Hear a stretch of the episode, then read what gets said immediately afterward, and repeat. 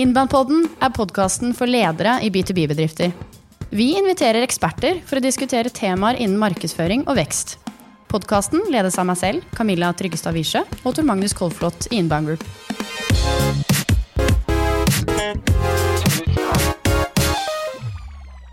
I dag skal vi snakke om en liten bedrift som veldig få kjenner til. I hvert fall hvis man ikke driver med lager og logistikk. Velkommen til deg, Su, fra Lager- og industrisystemer. Tusen takk. Dere var de aller første i deres bransje til å starte med metodisk digital inbound marketing og har oppnådd kjemperesultater med det de siste årene. Og dere jobber innen en snever bransje, lager. Og det er så innmari kult at dere har turt å satse på markedsføring med ordentlig kontinuitet. Og fått til så utrolige resultater. Og det gleder jeg meg til å høre mer om i dag. Vi har også med oss vår egen kundeansvarlig Guro Ekran. Hei, hei! Du har jobbet lenge hos oss nå og jobber veldig tett med SU, som er her i dag.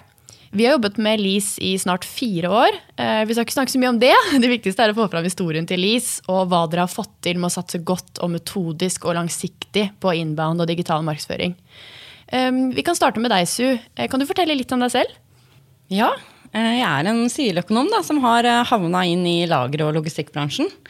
Jeg er fra Mysen og har jobba i LIS nå i sju år. Eh, og jeg starta med ansvar for økonomien, eh, og har nå fått det ærefulle oppdraget av både ansvar for økonomi og markedsføring. Eh, men det er jo veldig gøy, og jeg har jo en interesse for det. Jeg er jo ikke bare en tallknuser, men jeg har jo interesse for markedsføring òg. Og da tror jeg det går at man har begge. Men jeg har selvfølgelig mange ansatte med meg. Jeg gjør ikke alt aleine. Interesse tror jeg hjelper. Mm. Jeg tenker vi starter litt med at du forklarer hva LIS egentlig driver med, Su. Lager og logistikk er jo kanskje nytt for mange? Det er kanskje nytt for mange. Vi driver med alt som er innenfor lagerets fire vegger. Alt fra plastkasser til automasjon til eh, ting som beveger seg. Eh, vi driver ikke med lastebiler og transport og papp og sånne ting. det gjør vi ikke, Men alt du kan ha varer i inne på et lager, der har du oss. For fire år siden så tenkte dere at det var på tide å gjøre noe. Da skjønte vi at vi måtte gjøre noe. Vi var innom en eh, veldig tøff periode. Vi hadde en liten eh, dropp på, på omsetning. Eh, vi gikk på et valutatap, som mange gjorde for en tre-fire-fem år siden. Um, og vi hadde veldig press på dekning. Det var stor konkurranse. Det kom nye konkurrenter med muskler. Um, og vi var i en fase der vi på en på markedsføringa vår og strategiarbeidet hadde egentlig ikke så mye langsiktig mål og mening. Og vi fant ut at eh, vi tror på oss sjøl, og vi tror på produktene våre, og vi tror på det vi gjør, men vi må fortelle det på en annen måte enn det vi gjør i dag. Det er ikke alltid lurt eh, for oss å putte alle pengene våre i en annonse i et fagblad, eller kjøpe litt sånn histen og pisten uh, Google-ord som ikke fungerer. Lease er jo en gammel familiebedrift som har holdt på i flere titalls år. Eh, hvordan fikk dere ledelsen og styret til å satse på markedsføring på den måten som dere gjorde? Det er jo et veldig, veldig godt spørsmål. Vi hadde jo, Steffen var jo veldig engasjert eh, og visste veldig tydelig at det her mente han var veien vi skulle gå. Eh, Steffen, gamle markedssjefen vår, han blei veldig opptatt av inbound og inbound-metodikk. Eh, og klarte å presentere dette internt eh, på en eh, veldig bra måte. Jeg husker styremøtet som vi hadde den dag i dag, der vi la fram denne planen. Og det er jo ikke bare, bare å prøve å argumentere for noe som du heller ikke på en måte Vi hadde jo ikke gjort det før, så du veit jo liksom ikke helt hvordan det kommer til å gå. Men vi har en styreleder eh, som er eh, nå 73 år, eh, som er verdens mest sporty og framoverlente styreleder. Som tør å satse på gode ideer. Og på en måte derfor er det også litt veldig gøy å jobbe i. For at du får muligheten til å gjøre litt crazy ting. Og han så jo at resultatene kom til å Han kunne jo måle oss. Så hvis han fant ut at dette syns jeg ikke funker, eller eh, dette er ikke en god plan, så kunne jo han også vise at dette her var jo ikke noe lurt. Ja, for mange satser på markedsføring uten å måle effekten. Mm. Eh, og tenker at markedsføring egentlig er å putte penger i et sort hull. Ja. Eh, så det, det, at vi faktisk nå kan måle hvilken grad eh, og markedsføring fungerer, se hva som fungerer, hva som ikke fungerer, var det det som trigget eh, han? Det tror jeg. Og på en måte når han så at vi kunne få et godt innhold, for han har jo vært på kundene våre i 40 år. Han veit jo hvilke problemer eh, de har, og hva de lurer på. Og hvis vi da kunne sette det i system med gode nyhetsbrev og på en måte gode blogger, og på en måte at vi turte å by på oss sjøl, da. At vi skal ikke gjemme det vi kan. Og det er han veldig, veldig på. Vi deler det vi kan. Men kunne dere ikke bare ansette noen flere selgere, da, hvis dere ønsket å få opp salget? Tror du ikke vi var inne på den tanken? Men det er noe med de ressursene du har, da. Eh, du så jo at vi måtte optimalisere de ressursene vi har. Fordi når vi først kommer til eh, inn veggen på et lager, så er selgerne og mine kollegaer rasende dyktige, for de har masse kompetanse. Eh, og veldig gode til å rådgi enkelte kunden. Men det var ikke alle som visste om oss. Og det var ikke bestandig vi kom til bordet. Så egentlig så måtte vi fortelle kunden at det er ikke sikkert at du skal ha den type reol, fordi du selger disse varene. Kanskje du heller skal ha det her. Apropos måling, Su. Styrelederen deres hadde jo veldig tro på måling, men han tok jo en risiko. fordi det er jo ingen helt som klarer å garantere eller vite akkurat hvordan resultatene kommer til å bli, eller hvor lang tid det kommer til å ta. Kan du fortelle litt om hvordan dere jobber med å måle effekten og resultatet av det markedsføringsarbeidet som faktisk gjøres? Jeg og Guro eh, lager jo en plan hvert kvartal. Jeg liker de kvartalsplanene egentlig bedre enn årsplanene, da, selv om vi har noen mål for året òg. Eh, men de kvartalsplanene er så mye mer tett på. Der setter vi opp mål eh, og strategier og taktikker for hvert kvartal. Og så måles det i et møte på slutten av kvartalet.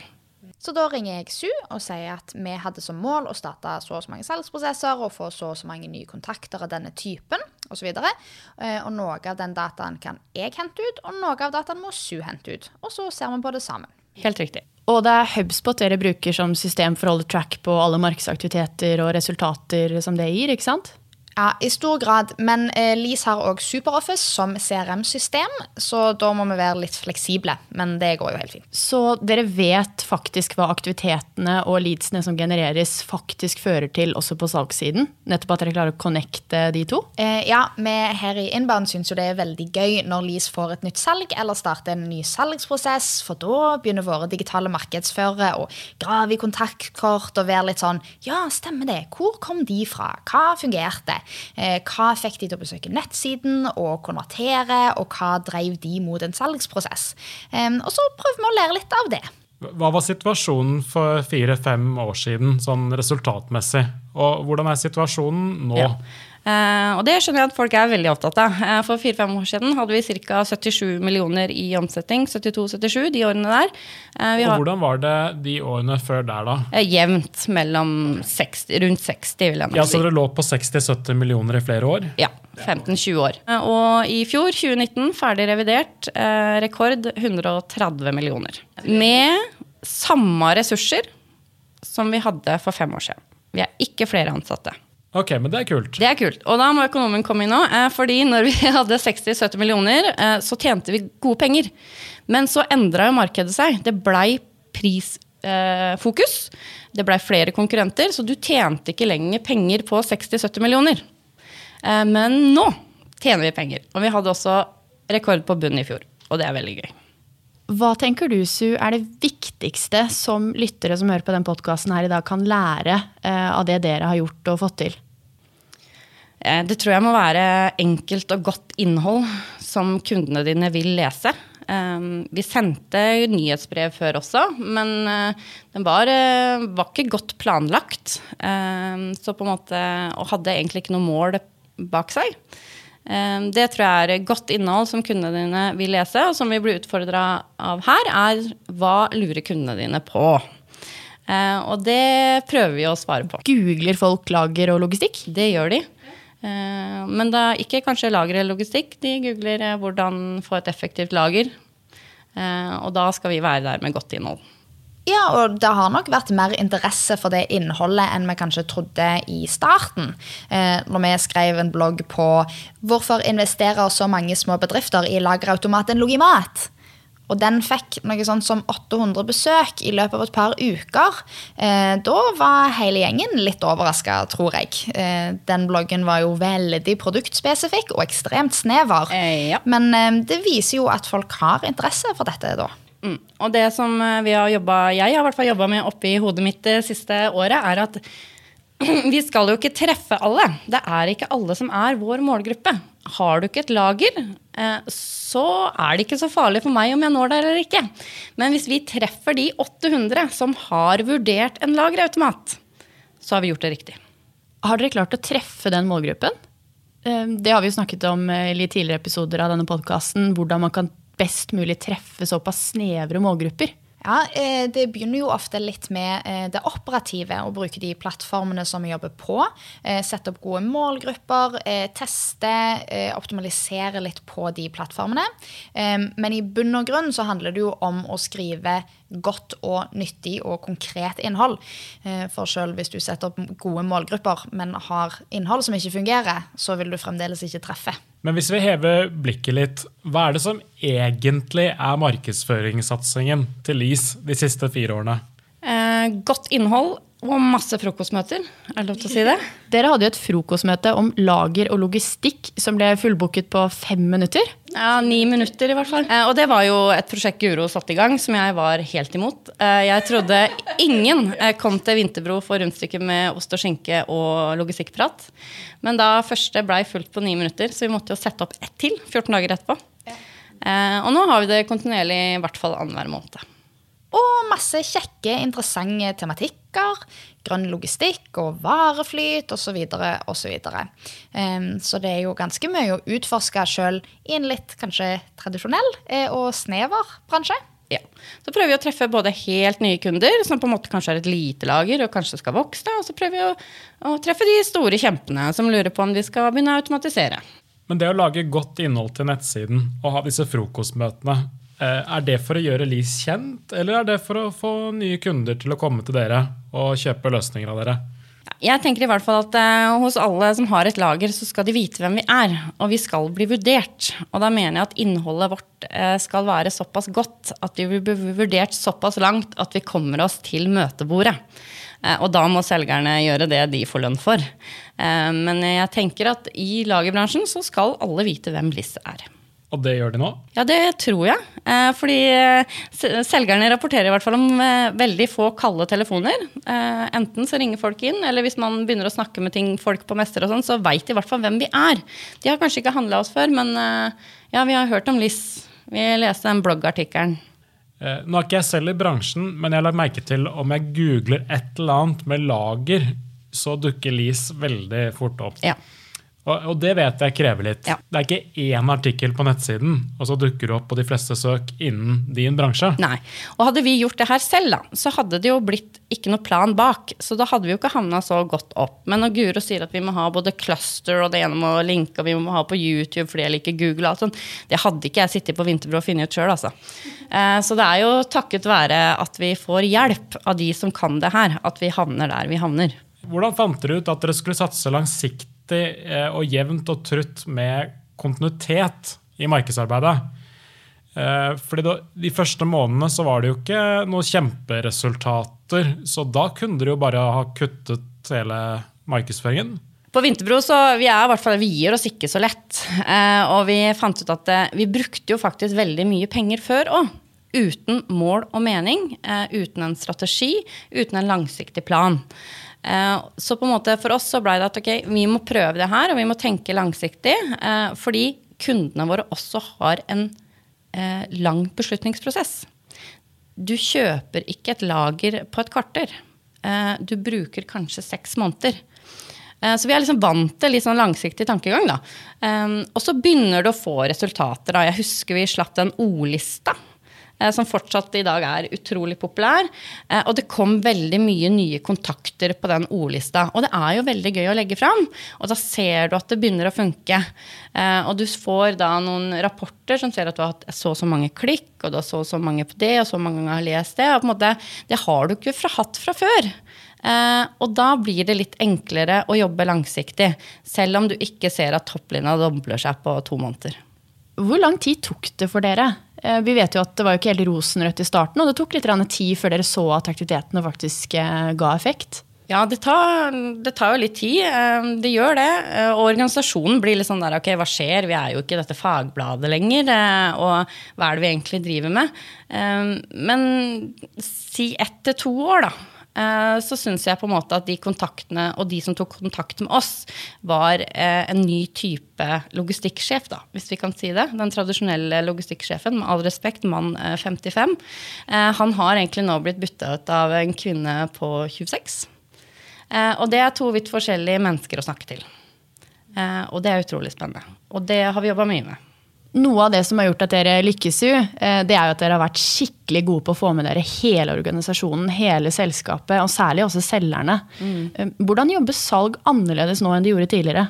Vi har nok ikke vært det selskapet som har sittet mest med utgående samtaler uansett. Eh, vi har nok eh, vi har vært kjent hos de store norske selskapene i Norge. Kanskje svevd litt på det. Eh, og når vi kom da til 2015-2016, der vi liksom møtte litt motstand, så blei det litt sånn um, Litt vanskeligere for selgerne også å ta den telefonen. Um, nå jobber de med innhold. Jeg kan ikke jobbe med innhold. Guro kan ikke jobbe med innhold. Vi er totalt avhengig av å få med de som veit hvordan et lager skal drifte. Uh, og det er jo gøy å bli inkludert uh, når du får resultater. Og det er gøy å se ansiktet sitt uh, på bånden av en god artikkel. og når kundene ringer inn, og jeg leste den artikkelen om lagerautomat, den var utrolig bra, så blir også selgere stolte. Og jeg tror de er, eh, jobber nå med kunder som eh, veit hvem vi er. Så de må ikke ringe for å si 'hei, jeg er eh, den og den' fra LIS. De veit hvem vi er. Og jeg håper og tror at vi har fått kundene til å ikke være så produktfokuserte med en gang de tar kontakt med oss. At de heller lurer på 'hva tror du er det lureste for meg nå'? Ja, og de stiller på video, og de stiller til intervju. Eh, og de er òg veldig flinke, syns jeg, eh, til å ta ting videre når vi leverer leads av den veldig varme eller den litt mindre varme varianten. Eh, sånn som f.eks. hvis vi gir beskjed til SU at her er en liste med kjente kontakter som har lest et innhold om å flytte lager. Da er salgsteamet knallgode på å ta det videre. De plukker opp et par telefoner og tar kontakt med forskjellige folk som kanskje da har vist litt ekstra interesse for den tematikken. Mm. Hva har dette egentlig kostet både både kroner og ressurser? Jeg pleier å si at jeg får eh, fem for prisen av én. Eh, Ca. ett årsverk bruker jeg i inbound. og da får jeg fem forskjellige eksperter. og så bruker jeg vel ca. 40% av tiden min på å være markedssjef. Så nesten halvannet årsverk er på en måte markedsføringsinvesteringen, da. Ja. Eh, pluss annonseringsbudsjett, hvis vi skal være veldig ryddige på det. Ja. Og inbound ligger i bunnen for alt vi gjør. Um, og vi har stolte ansatte, og vi prøver å på en måte Jeg kan ringe Guro for alt, jeg, og spare med Guro. Guro er din prosjektleder for ditt outsourcede markedsteam? Helt riktig. Eh, så på en måte da er det godt å kunne spare med henne om alt mulig. Eh, og få klare beskjeder tilbake, og bli utfordra. Eh, og det er kanskje det viktigste også man må ha med seg, at her blir man utfordra. Det blir rikka i gamle måter å tenke markedsføring på. Hva er egentlig som er så nytt med denne måten å drive markedsføring på? Det er jo ikke produktfokusert i det hele tatt. Eh, vi prøver å løse kundens problem. Det er det vi har i bakhodet. Vi har ikke pallerioler eller lagerautomater egentlig i bakhodet. Vi har Kundene har et problem, vi har en løsning. Du snakker jo litt om hvordan det er å jobbe sammen med et byrå nå, Su. Mm. Um, og for mange så er jo det riktig, og for andre så er det ikke helt riktig. Mm. Hva var grunnen til at dere valgte å outsource markedsføringen? Jeg tror det var alfa og omega for oss, for vi hadde ikke den kunnskapen. Uh, og på en måte, jeg tror ting skjer så fort også i denne markedsføringsverdenen. da, at man klarer ikke å sitte på et kontor alene på Vinterbro uh, og lære seg alt det her. Uh, man trenger et byrå som er i et helt annet miljø enn det du er i. da. og du trenger noen som er god på video, du trenger noen som er god på Facebook-teknikk, og du trenger en god prosjektleder. Um, så det var alfa og omega. Og det tror jeg er grunnen til at vi har hatt suksess. Eh, fordi du får på en måte noen utstående som også jobber for at du skal nå dine mål. Mm, og så da jobbe langsiktig over flere år, så får du den fordelen med at det er noen som kjenner deg veldig, veldig godt. De kjenner hvordan du snakker til kundene dine, og de kjenner hvilke utfordringer du har. Og vi kjenner hverandre personlig. Liksom. Det er kjempeviktig. Du må ha kjemi med det byrået du skal jobbe sammen med. Yeah. Guro her hjelper jo faktisk deg Su, med å planlegge bryllupet ditt. Ja. Man må kanskje ikke dra det så langt, men det er jo viktig at når man jobber sammen med et byrå, at man får det til å funke. Og det vet jeg at eh, du har noen helt klare tanker om, Guro. Ja, veldig. Eh, både kjemien fra person til person, eh, men òg det som vi ofte merker har en veldig stor betydning, eh, er følelsen av egentlig å være mer insourca enn outsourca. For vi føler oss jo virkelig som markedsteamet til LIS. Når jeg og Su snakker sammen, så sier jeg ikke dere i LIS og oss i Inbound. Jeg sier vi å bruke liksom den type ord og føle oss eh, virkelig som del av organisasjonen. Eh, de er investert i oss, og vi er investert i de. For vi må huske på at Inbound er en fagkompetanse. Eh, og det er veldig mange andre valg du gjør i en bedrift der du velger fagfolk. Eh, og markedsføring er også et fagfelt du skal ha respekt for. Eh, og da er det godt å bruke et byrå som kan det fagfeltet. Men kunne dere ikke fått til det med å ansette en, en person eller to og få et eget fagmiljø? Eh, ja, men da tror jeg ressursene fort hadde gått eh, veldig høyt opp. Jeg tror det hadde blitt mer kostbart for oss. Dere hadde trengt mer enn én person? Jeg hadde jo trengt det. Den som er god på Facebook-teknikk, er kanskje ikke like god til å skrive. eh, og, eller ta video. Eh, så på en måte å få flere som er gode på sin ting, da. Det er jo kjempebra. Nå begynner klokka å gå ut litt her. Eh, litt sånn på tampen. Er det noen få ting, kanskje én eller to-tre ting, som du vil at ledere i B2B-bedrifter skal sitte igjen med nå, etter å ha hørt på dette her, Su? Det må være tørre å tenke langsiktig. Eh, selv om resultatene ikke kommer over natta, så ha is i magen. Eh, når du skal markedsføre det her internt og selge det inn internt, husk at du som markedsfører ikke snakker til markedsførere. Det tror jeg er veldig viktig. Um, husk at du får målbare resultater. Dem får du relativt fort. Og vær klar for å bli utfordra. Bra. Det hørtes eh, veldig nyttig ut eh, for lytterne, tror jeg. Tusen takk for at du kom hit i dag, Su. Veldig spennende å høre fra deg. Eh, For dere som har lyttet på episoden i dag, husk å følge podkasten vår. Legg veldig gjerne igjen en anmeldelse om hva du tenker, og gi oss gjerne et lite hint om hva du kan tenke deg å høre mer om i fremtidige episoder.